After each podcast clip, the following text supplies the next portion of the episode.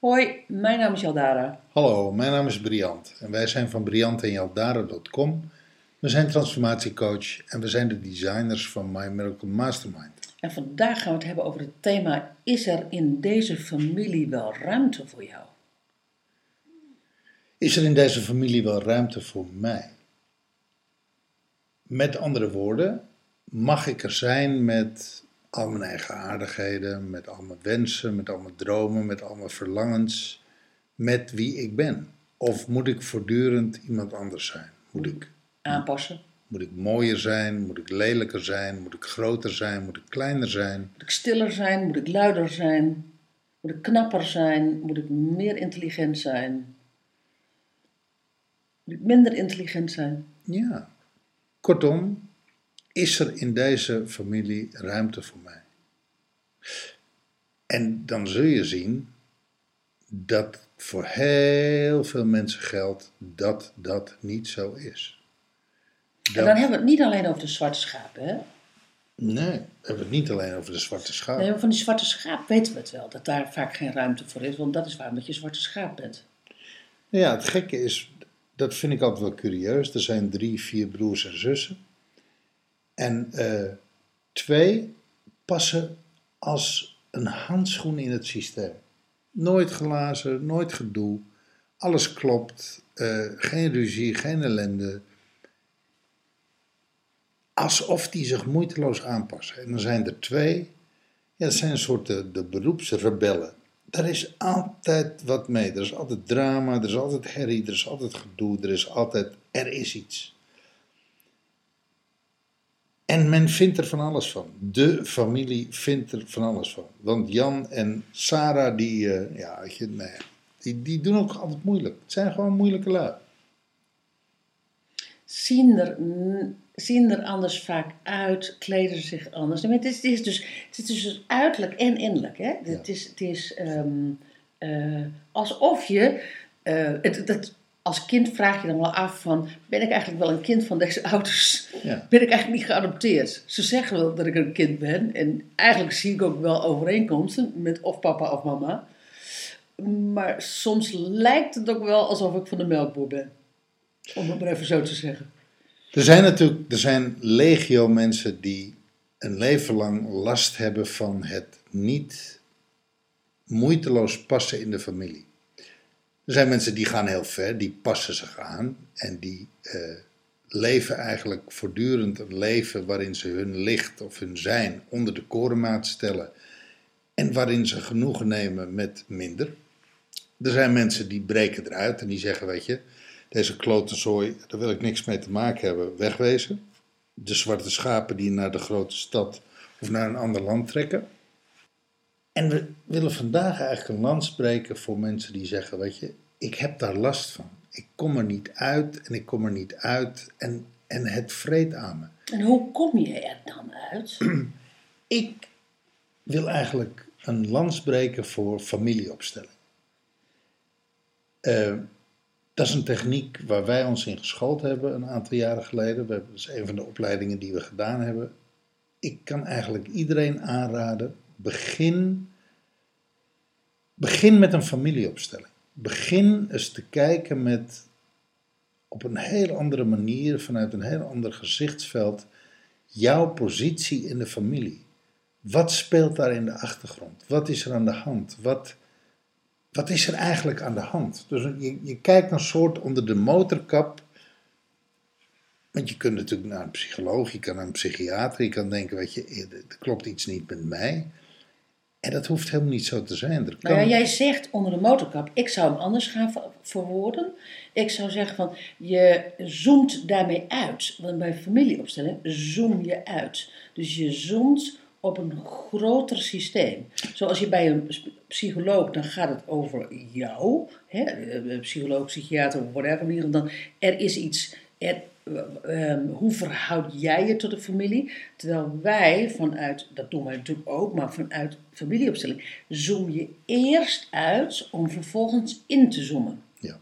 En het uitzoomen, dat maakt dat er ineens een ander beeld komt. Ineens een ander perspectief komt op datgene waar jij zogenaamd zo vreemd, eh, ehm, eh, zo, zo vreemd in gezien wordt. Nou ja, kijk, het, kan het zou heel goed kunnen dat jij binnen de familie eh, een opdracht hebt. Bijvoorbeeld de opdracht om juist te rebelleren, of juist te ageren, of juist eh, een stukje onrust te brengen. Dat kan heel duidelijk een opdracht zijn.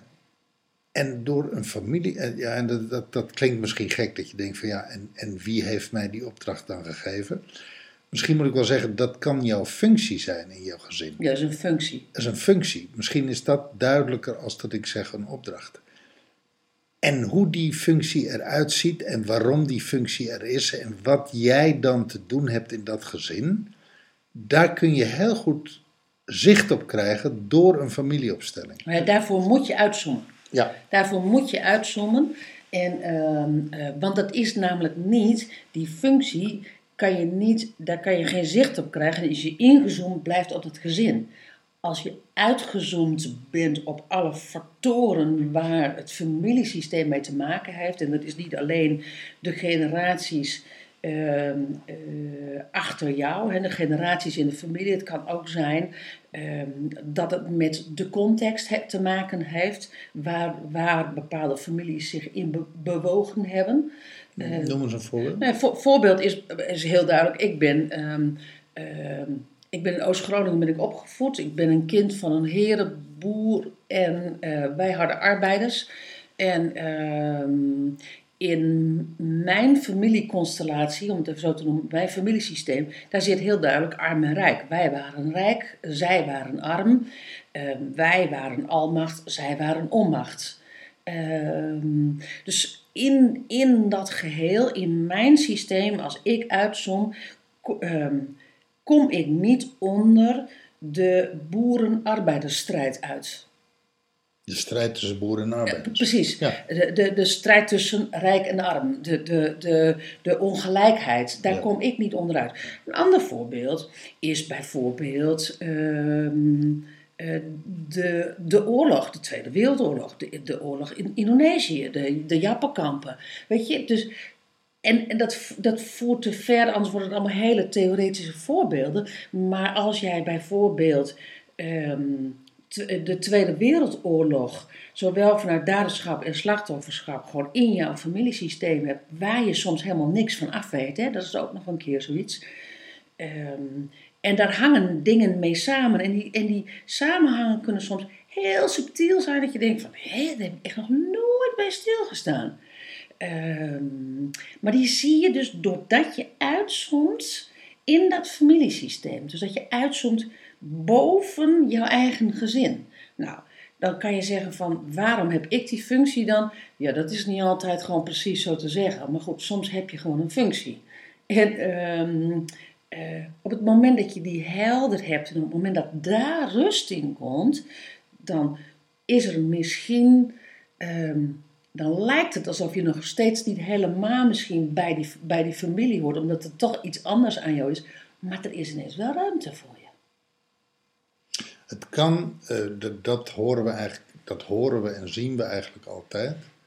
Eh, als mensen een opstelling hebben gedaan en ze hebben zicht gekregen op, op waarom die onrust er is, waarom die strijd er is, waarom dat maar voortdurend niet lukt met hun in die familie.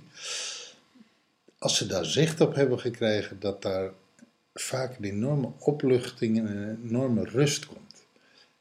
En dat gunnen we eigenlijk iedereen. Dus En dat is een energetische rust. Als ik naar mezelf kijk, dan zie ik dat daar rust in is gekomen. Dan heb ik het daar niet met mijn familie over gehad, want ehm, ehm, mijn familie begrijpt daar eigenlijk helemaal niks van. Ik vind het ook allemaal een beetje onzin. en wil er ook feitelijk Ik niks wil er ook maken helemaal hebben. niks mee te maken hebben. Ehm, maar, ik, maar er is rust gekomen, waardoor ik mijzelf weer plek heb gegeven in die familie. Nou, heb kunnen geven. En heb kunnen geven. En eh, En dat geldt trouwens, dat, jij zegt dit, hè, dat geldt voor mij ook. Ik heb door eh, familieopstellingen te doen, heb ik ontzettend zicht gekregen op wat er in de achtergrond eigenlijk allemaal speelde en waarom dingen zijn zoals ze zijn. Waardoor, dat hoeft niet dat het daardoor altijd meteen koek en ei wordt en leuk wordt, maar ik kan het wel veel beter een plek geven en accepteren. En dat is toch wel waar het over gaat. Ja, en, dan, en, en dat raakt natuurlijk, weet je, dan hebben we het nu over familie. Maar je kan je natuurlijk voorstellen als jij jouw plek ehm, kent en durft in te nemen, dat dat natuurlijk ook, ook zelfliefde raakt. Dat dat je, dat dat je ehm, zelferkenning raakt. Ehm, waardoor je niet voortdurend met die interne strijd hoeft bezig te zijn. Nou, hoe, hoe geweldig is dat? Dat is, dat is een van de grote voordelen. Ja. Kortom, mocht je eens willen onderzoeken waarom eh, het in jouw leven tussen jou en je familie zo stroef loopt, of niet loopt, of niet lekker loopt, dan raden wij je aan. Ga eens op zoek naar een goede familieopsteller en doe eens een opstelling. Dankjewel voor het luisteren en tot de volgende keer. Hoi. Doei.